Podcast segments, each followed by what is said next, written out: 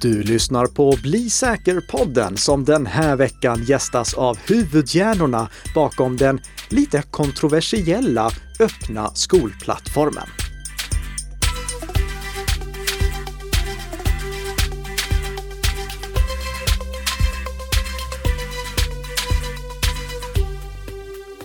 God morgon, god morgon Tess! God morgon, god morgon Karl-Emil Nicka. Ja, vilken fin presentation där Tess ja, men det är inte varje dag, eller hur? Mm.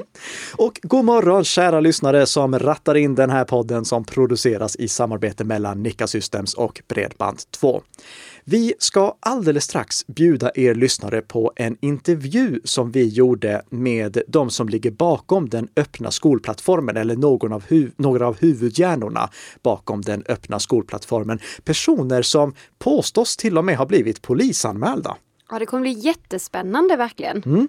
Men innan vi går in på det så har vi såklart veckans snabbisar.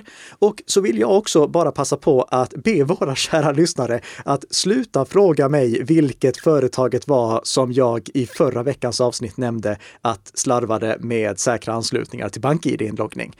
Jaså? Mm, jag, nämnde ju inte vilket bolaget var då. Nej. Och jag kommer inte skriva det på Twitter heller.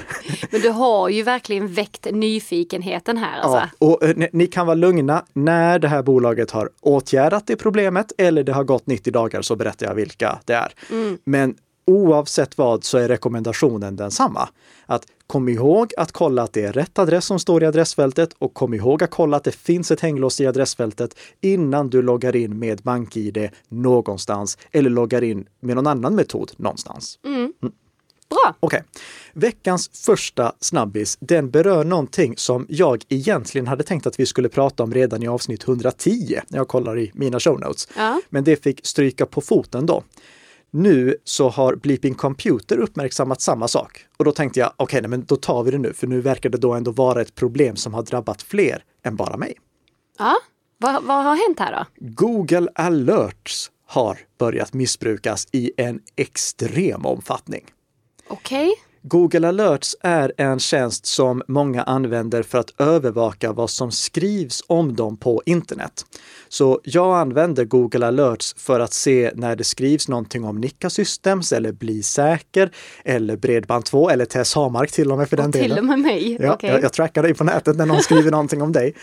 Så att när Google som indexerar hela den publika webben upptäcker en ny webbplats där, eller en ny webbsida där något av de sökorden som jag spårar nämns, då får jag en liten notis.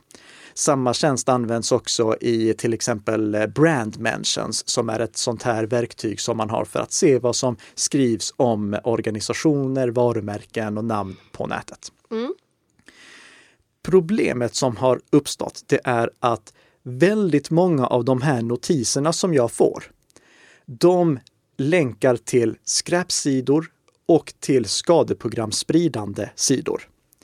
Bara för att ta ett exempel på en sån här sida som numera ofta dyker upp i mina alerts så är det en sida som heter SCB låser kundernas pengar till nollränta. Okay. Och jag vill varna känsliga lyssnare nu, för det ni kommer få höra nu, det kommer troligtvis att få er att bli sura, för det är så totalt osammanhängande. Men så här står det på sidan.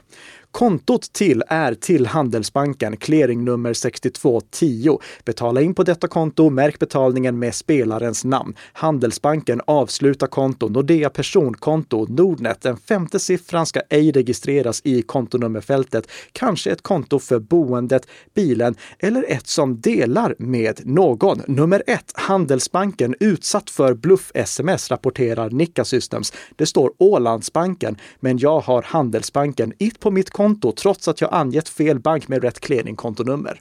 Jag förstår inte vad det inte är som du fattar här, Nika. Det är ju så begripligt. Ja, det här är alltså en artikel som bara är ihopsatt av massa andra alltså små citat som mm. finns på nätet för att få in en massa varumärken så att Google Alerts ska trigga att skicka en notis till de som bevakar nu till exempel Handelsbanken, Nika Systems, Nordea, Ålandsbanken. Ja, just det. Problemet här, det är inte bara att jag nu då får massa skräp bland mina notiser, utan också för att när det har gått ett litet tag, då byter webbplatsägaren ut innehållet på webbsidan till någonting som sprider skadeprogram. Så Aha. när Google upptäcker att det finns en notis mm. och skickar den till mig, då är det bara en total nonsenssida. Men när jag sen klickar på den för att komma till och kolla vad som skrivs om mitt varumärke i det här fallet, då är det ett skadeprogram som ligger där istället. Aj då! Ja. Och, och det stoppas liksom inte? Alltså Google har inte gjort något fel här. Det, och jag vet inte heller vad de ska kunna göra för att stoppa det. För att när de skickar notisen, mm. då är det ju för att jag har bett om att bli underrättad om så fort någon skriver någonting om mitt varumärke. Ja, ja, ja. Eh, så de har gjort helt rätt här. Det som Google kanske får göra, det är att eh, försöka bättre avslöja när det är total nonsens som skrivs. Mm. Mm. Eh, det är väl en möjlig lösning på problemet. Jag, jag har nu fått sänka tröskeln, alltså man, man, kan välja ifall man vill bli underrättad om allt som skrivs om varumärket på nätet eller bara det viktigaste. Jag har nu fått ställa ner det här till bara det viktigaste för att få ner mängden skräp. Mm. Det som man som användare också kan göra, det är ju att förlita sig på eh, Eh, surfskydd och DNS-skydd som vi har pratat om tidigare i podden för att försöka filtrera bort några av de här skadeprogramspridande domänerna.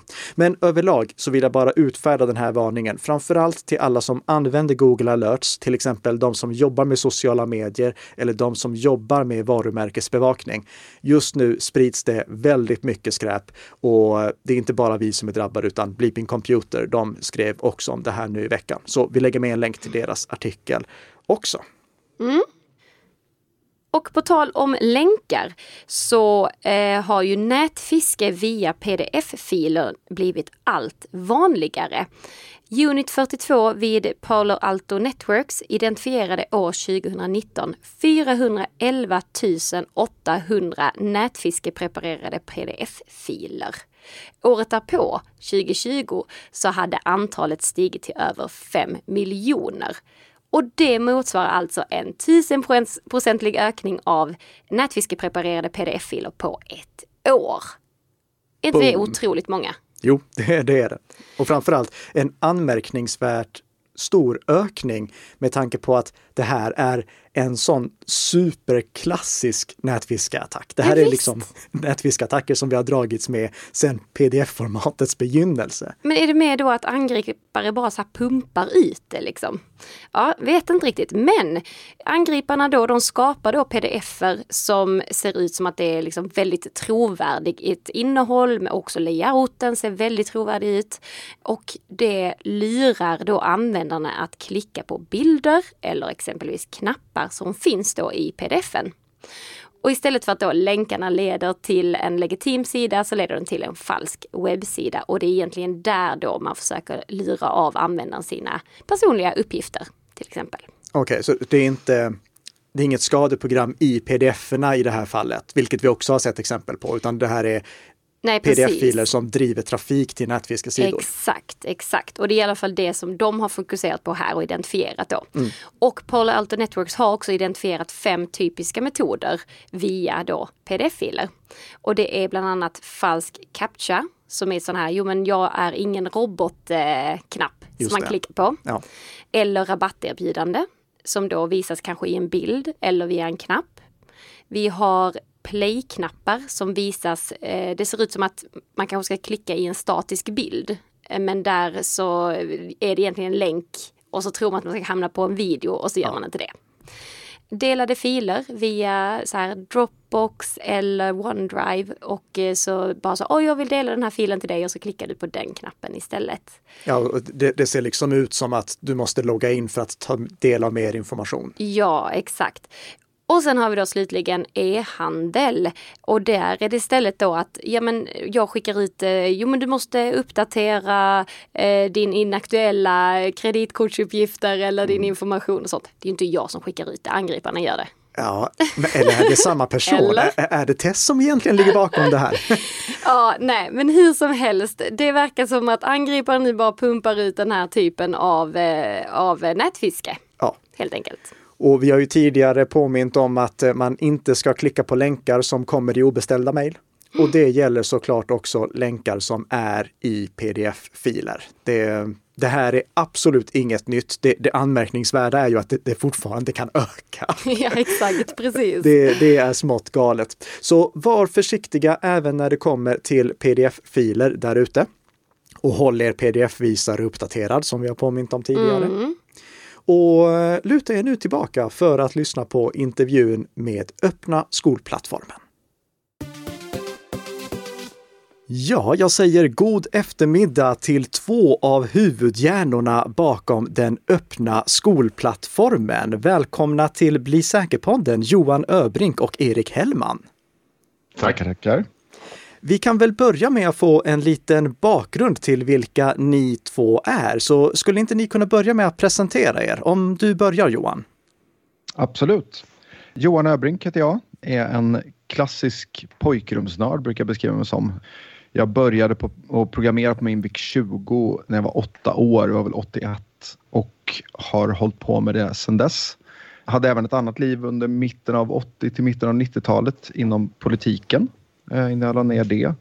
Eh, återvände till tekniken helt och hållet och har jobbat som programmerare, arkitekt, systemintegratör eh, och nu jobbar jag som digital strateg. Och i det här projektet så är jag väl då en kombination av programmerare och, och politiker, eh, men framför allt förälder. Mm. Och Erik, vem är du? Ja, jag är eh, väldigt lik bakgrund som Johan där. Enda skillnaden här är att jag hade PC när jag var typ åtta år och eh, jag har inga barn. Jag har inte varit politiskt aktiv heller. Men jag är den i gänget som har helt enkelt inga barn i Stockholms stad, inga barn alls egentligen.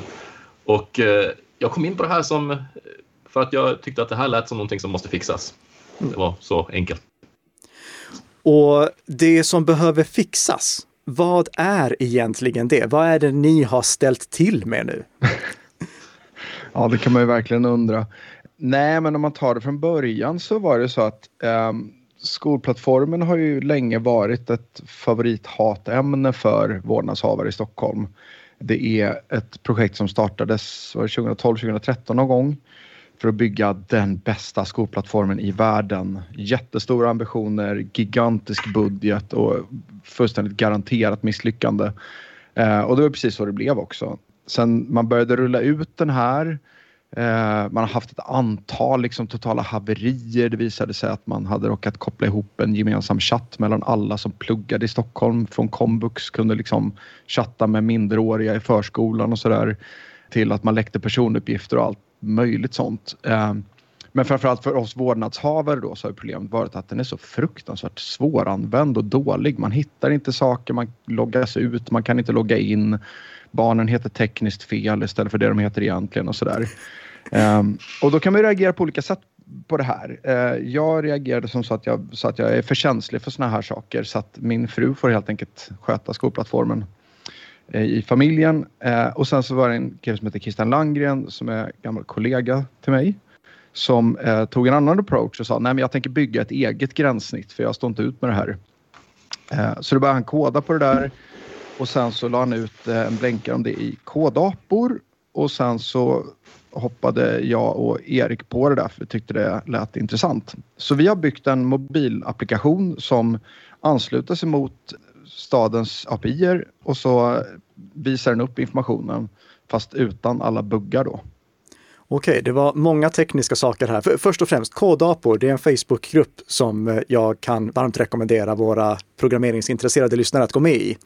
Men sen, sen så sa du någonting här då som jag också vet att är bakgrunden till det kontroversiella kring öppna skolplattformen, nämligen att ni använder API. -er. vad är det för någonting? Um, ja, men om man tänker så här att du har en webbserver. Det den gör är att den tar någon form av information och så presenterar den det på ett sätt som en webbläsare kan visa upp. Uh, väldigt enkelt. Ett API är egentligen att göra samma sak fast man istället så presenterar man informationen på ett sätt som en maskin kan läsa. Uh, I det här fallet då vår app som var byggt för iOS och Android. Så att genom att läsa den informationen så kan den liksom ta informationen och visa upp staten på vilket sätt som helst istället för på det sättet som eh, liksom stadens webb har utformat den. Och på det sättet kan vi då göra en bättre presentation som är lättare att hitta i och lättare att läsa saker. Men all information kommer från de bakomliggande systemen, precis som de gör på webben. Men är det inte som om att ni har typ hackat den, eh, den publika webben? Eh, ja, det är ju vad eh, Stockholms stad anser, eh, tyvärr. Men så är det ju inte. Utan alltså när man har byggt upp de här API-erna då, så är ju, för, förutom alla de här säkerhetsluckorna som de har haft, så är ju liksom grunden är att den som använder systemet loggar in. Jag loggar in med BankID och då säger den aha, hej, det här är Johan Öbrink. Okej, okay. vad har du för barn i det här systemet. Eh, och så dyker min dotter upp och då kan den ge en lista på alla barn, det vill säga min dotter och så kan jag utifrån det sen göra anrop och säga så här vad, eh, vad har hon för schema idag? Vad, eh, vad har hon fått för nyhetsbrev? Vad, ja, vad är det för matsedel liksom? Så att grejen är att när vi använder de här API-erna i vår applikation så det som händer egentligen är att det är användaren som använder API-erna. Användaren loggar in sig, användaren ser sina uppgifter. Det vill säga jag och Erik som programmerare kan inte se vad någon gör. Däremot jag som vårdnadshavare kan se det jag har rätt att se. Så, så det är därför det inte är att hacka sig in för det är ju exakt de säkerhetssystemen som staden har satt upp som vi låter våra användare använda sig av. Men används de inte nu då på ett sätt som inte de var tänkta att användas? ja, alltså där, det tror jag det är väl vad Stockholm tycker. Stockholms stad tycker. Det vi visar är ju att de här, utan att behöva göra om datan på baksidan så kan vi alltså presentera informationen på ett mer lättillgängligt sätt för, eh, för vårdnadshavarna. Eh, så bara för att Stockholm tycker att det här borde inte användas på det här viset så betyder inte det att det är fel. Det är ju snarare så att de kanske inte hängt med i utvecklingen riktigt och nu, nu tar, får vi en medborgardriven utveckling istället som visar vad, vad som behövs, vad som efterfrågas. Mm. Ja, och jag skulle vilja lägga till där också att om man, om man, det beror på vad man menar med som det var tänkt att de skulle användas. Om, om vi kollar på liksom eh, kommunallagen och, och, bara går tillbaka till så här, varför betalar vi skatt? Så är det ju så att det finns ett uppdrag för, sko från, för skolan då att, att presentera information för oss vårdnadshavare så att vi kan hjälpa våra barn i utbildningen. Och där är det ju faktiskt tänkt att informationen ska presenteras lättbegripligt. Så jag skulle säga att på det sättet så följer vi intentionerna betydligt bättre än vad stadens lösning gör. Men var... och, det, och jag skulle också vilja lägga till eh, en sak till här också. Det här är en av sakerna som gör att jag har blandat mig in i det här. Även om jag inte har barn i Stockholms stad så brinner jag mycket för att tjänster, särskilt eh, tjänster vi har i eh, offentliga tjänster som det ska vara, de ska vara lättillgängliga för alla medborgare oavsett vad du har för, för begränsningar, om det är så är språk eller om det är något annat handikapp eller någonting sånt. Så det är därför det är, så, det är så viktigt att det här blir bra. Liksom. Men utifrån det ni har beskrivit, varför väljer då Stockholms stad att motarbeta er? För det, det som ni har sagt till mig hittills, det är att ni har utvecklat en app som hämtar information på samma sätt som eh, egentligen själva den befintliga webbtjänsten gör och bara presenterar den på ett annat sätt. Alltså till exempel sorterar ut viss information som är mer relevant eh, och ser till att det blir eh, ja, enklare att ta till sig den informationen. V vad är det som gör att Stockholms stad har något emot det här? Va varför motarbetar de er? Jag skulle säga rädsla, kontroll och prestige. Rädslan kan jag förstå, eller kunde jag förstå till en början, det vill säga man är ovan vid att jobba digitalt. De som fattar de här besluten har ingen teknisk bakgrund, har väldigt låg teknisk kunskap. Det är klart att om du sitter i en situation där du är van vid att information finns på papper och sen så eh, gör du pdf i ditt eget system och så, och så förstår du inte hur internet fungerar och hur, hur man kan jobba med API och, och informationsdelning och informationsförädling. Ja, då dyker det här upp från ingenstans och, och så blir du rädd. Eh, så från början kan jag förstå men ganska tidigt i den här processen så fick vi också ett möte med utbildningsförvaltningen där vi då förklarade för dem precis det vi har förklarat för dig nu. Och därifrån så skulle jag säga att eh, rädslan är svårare att förstå och att det snarare handlar om kontroll och prestige. Okej. Okay. Men det här med rädslan, um, om jag bara liksom får uh, försöka se någonting negativt i det här. Jag vet att våra lyssnare redan har insett vilken, vilken ställning jag har i den här mm. frågan, men, men ändå. Låt oss säga att den här appen inte var framtagen av några av Sveriges uh, absoluta stjärnutvecklare, utan det var framtagen av ett gäng uh, skolungdomar som ville göra det lättare för sig själva ser ni inte att det finns en en rädsla här för att om eh, någon eh, skolungdom som inte har liksom fullständig koll på säkerheten men tycker det är roligt att göra appar eller ett helt främmande bolag skulle göra en egen app, publicera den i de publika appbutikerna och driva trafik till, eh, till just de apparna. Tänker ni inte att kanske Stockholms stad är rädd för att de skulle kunna samla in en massa data då eller att den här appen skulle kunna ge upphov till dataläckor som inte webbplatsen i sig redan har gett upphov till. Mm. Jo, men ja. absolut. Det, och, det tycker jag är fullt rimligt att tänka sig. Och det var ju också därför som vi väldigt tidigt sa att vi ska se till att vara fullkomligt transparenta. För att vi måste klara granskning. För att kunna lita på oss så måste man kunna se att vi inte gör något fuffens. Så därför är ju all kod eh, öppen källkod. Den ligger på GitHub. Vem som helst kan titta på den. Vi har haft över 3000 personer som har gått igenom den. Och det är ju liksom ett sätt som man kan bygga den här typen av förtroende. Mm.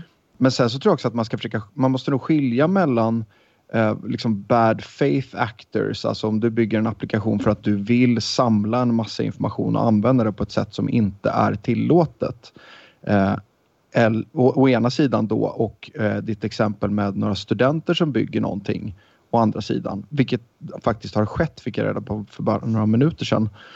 Så, så är ju så att säga attityden där kan ju vara olika. I båda fallen måste man granska vad som händer men i det ena fallet så ska man liksom slå ner på dem och säga att det här ni gör är olagligt, det vill säga ni samlar in information ni inte har rätt att samla eller ni sprider information ni inte har rätt att sprida. Det är olagligt, det kommer vi sätta dit er för. Å ena sidan. Och i elevfallet å andra sidan så, så skulle jag säga att personer som jag och Erik kan gå in och titta på den koden och säga Oj, titta här har ni begått ett misstag. Det här måste ni fixa till för det här kan leda till de här konsekvenserna. Och det är ju det vi menar när vi säger medborgardriven utveckling, att man faktiskt hjälps åt. Mm.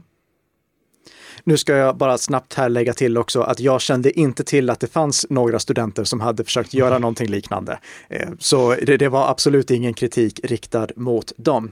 Men om jag då bara ställer en väldigt konkret fråga till er. Ifall jag som förälder, nu är jag inte förälder men ponera att jag hade varit det, använder öppna skolplattformen. Får ni som har utvecklat appen tillgång till någon av min data eller mina barns data eller rent av möjlighet att använda mitt bank-id? Absolut ingenting. Den enda kommunikationen som sker mellan den appen på din telefon och är till Stockholms stads server. Det, det finns, eh, det, det, data skickas ingen annanstans. Vi får inte reda på vem du är eller, vad, eller ens om du har loggat in. Alltså, den enda informationen vi har det är hur många som har installerat appen. Vi, vi har ju till och med låtit bli Alltså I vanliga fall när man bygger en app så brukar man lägga in så här analytics och crash reporting och sånt för att vi ska kunna få reda på att oj, nu kraschade appen. Oj, det här måste vi fixa till och så, så sparar man ner lite liksom bakgrunden till kraschen och sånt.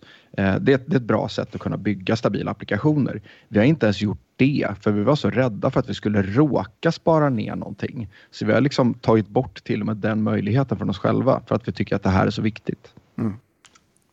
Och vi ska ju säga det också att eh, går, loggar du in på skolplattformen på Stockholms stad så då, då, de gör ju inte det här. De har ju en del analysgrejer som man ser laddas om man tittar i, i, i de här utvecklingsverktygen. Så att eh, det är ju det är färre saker som skickas iväg liksom, på andra håll eh, i vår app än vad det är en Stockholms stads skolplattform.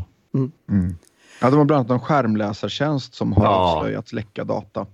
Absolut. Så att, eh, jag skulle säga, är man, är man orolig för privacy och säkerhet, då ska man inte använda deras webb. Det var hårda ord som kommer där. Men vända varning undrar då, okej, okay, det här låter jättebra. Hur ska jag kunna lita på att det ni säger är sant? Det där är ju alltid det svåra, va? för att alla är ju inte utvecklare och alla kan inte hålla på att läsa igenom all vår kod. Men, men det, det bygger ju på att vi får upp en tillräckligt stor massa som faktiskt tittar på vår kod och, och, och att man litar på liksom just det eh, att det blir medborgardrivet. Alltså. Vi, har, vi har över 3000 personer som har varit inne och tittat på vår kod och kopierat den ner till sin egen dator och testat den. Och ingen av de här har ju än så länge rapporterat att det, att det är någon så här gigantisk brist. Så jag skulle säga att vi ligger ganska bra till där med tanke på att på löpande basis så rapporterar vi brister i Stockholms stads API. Mm. Nej, men, och det, det, man, man, kan tänka lite så här om, om det kommer ut en studie om, eh, vi säger coronaviruset så har inte jag den medicinska bakgrunden att kunna förstå den studien och granska den kritiskt. Men jag kan titta på hur många som faktiskt har den kunskapen som har granskat den och så kan jag säga ah, någon av de här hade ju faktiskt sagt till om någonting var lurt. Mm. Och det är lite samma sak här. Och om våra lyssnare känner igen de här resonemangen så är det inte så konstigt för vi har varit inne på dem många gånger tidigare när vi har pratat om öppen eh, källkod i till exempel Bitwarden appen, lösenordshanteraren eller öppen källkod i eh, eh VPN-tjänsten Mullvad och eh, egentligen öppen källkod och granskning av öppen källkod överlag. Det finns flera tidigare avsnitt ifall ni vill veta mer om det här. Men vad är framtiden för er nu då? Det, det påstås ju till och med att ni har blivit polisanmälda för det ni har gjort. Ja, vi, vi, det, vi, vi, har, det har i alla fall skickats in en polisanmälan. Sen så vet vi inte exakt status på den idag tror jag. Eh, om inte du har hört någonting mer nytt Johan. Nej, men... det, det, den är inskickad i allt vi vet än så länge. Och, och, det är då Christian och jag och Erik som är, är de som är polisanmälda. Men det intressanta är också att de har anmält oss för att vi har skrivit kod. Vi är alltså inte anmälda för att vi har publicerat appen utan för att vi har skrivit kod.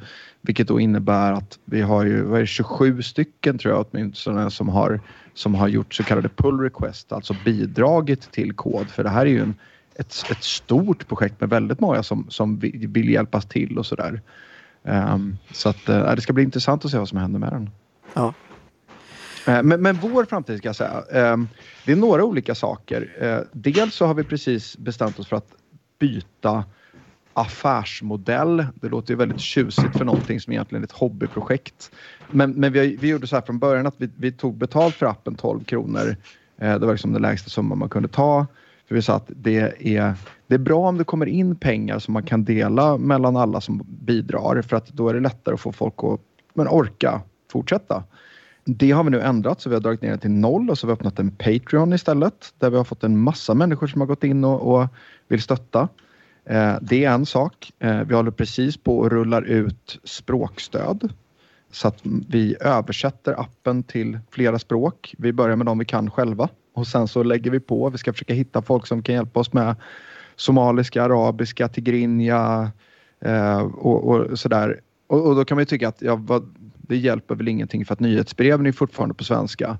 Men faktum är att det där kan vara en oerhörd hjälp för eh, nyanlända familjer där, där man ofta får en, en väldigt skev maktstruktur i familjen. Därför att den enda som kan hålla koll på interaktionen med det svenska samhället blir barnet och föräldern förlorar liksom sin föräldraroll.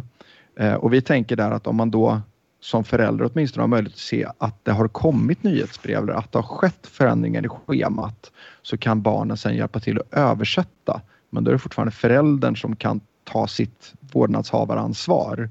Eh, och det tänker vi att det kan vara väldigt hjälpsamt. Mm. Bra. Stort tack för den presentationen. Det ska bli väldigt intressant att följa vart det här leder och även ifall vi kommer få se några liknande situationer runt om i andra städer i Sverige eller i våra grannländer. Så jag vill passa på att säga stort tack till Johan Öbrink och Erik Hellman för att ni ställde upp på att medverka här i Bli säker-podden. Ni som lyssnar, om ni vill stötta stötta öppna skolplattformen med jobbet som de gör. Oavsett om ni bor i Stockholm eller inte så kan ni gå till patreon.com slash öppna skolplattformen och göra det där. Koden den är som sagt publicerad. Den ligger publikt på GitHub på github.com slash coolplattformen tror jag. Ja. ja. Eh, eh, men ni, hittar alla de här länkarna på skolplattformen.org där ni också kan läsa mer om det här projektet. Och tycker ni att det är värt att stötta så gör det jättegärna via Patreon. Vi i Bli säker-podden, vi har ingen Patreon, men ni kan stötta oss genom att tipsa era vänner och bekanta på att lyssna på den här podden för att lära er mer om it-säkerhet och bli lite it-säkrare för varje vecka som går. Tack så mycket Johan och eh, Erik och tack så mycket till alla lyssnare. Trevlig helg!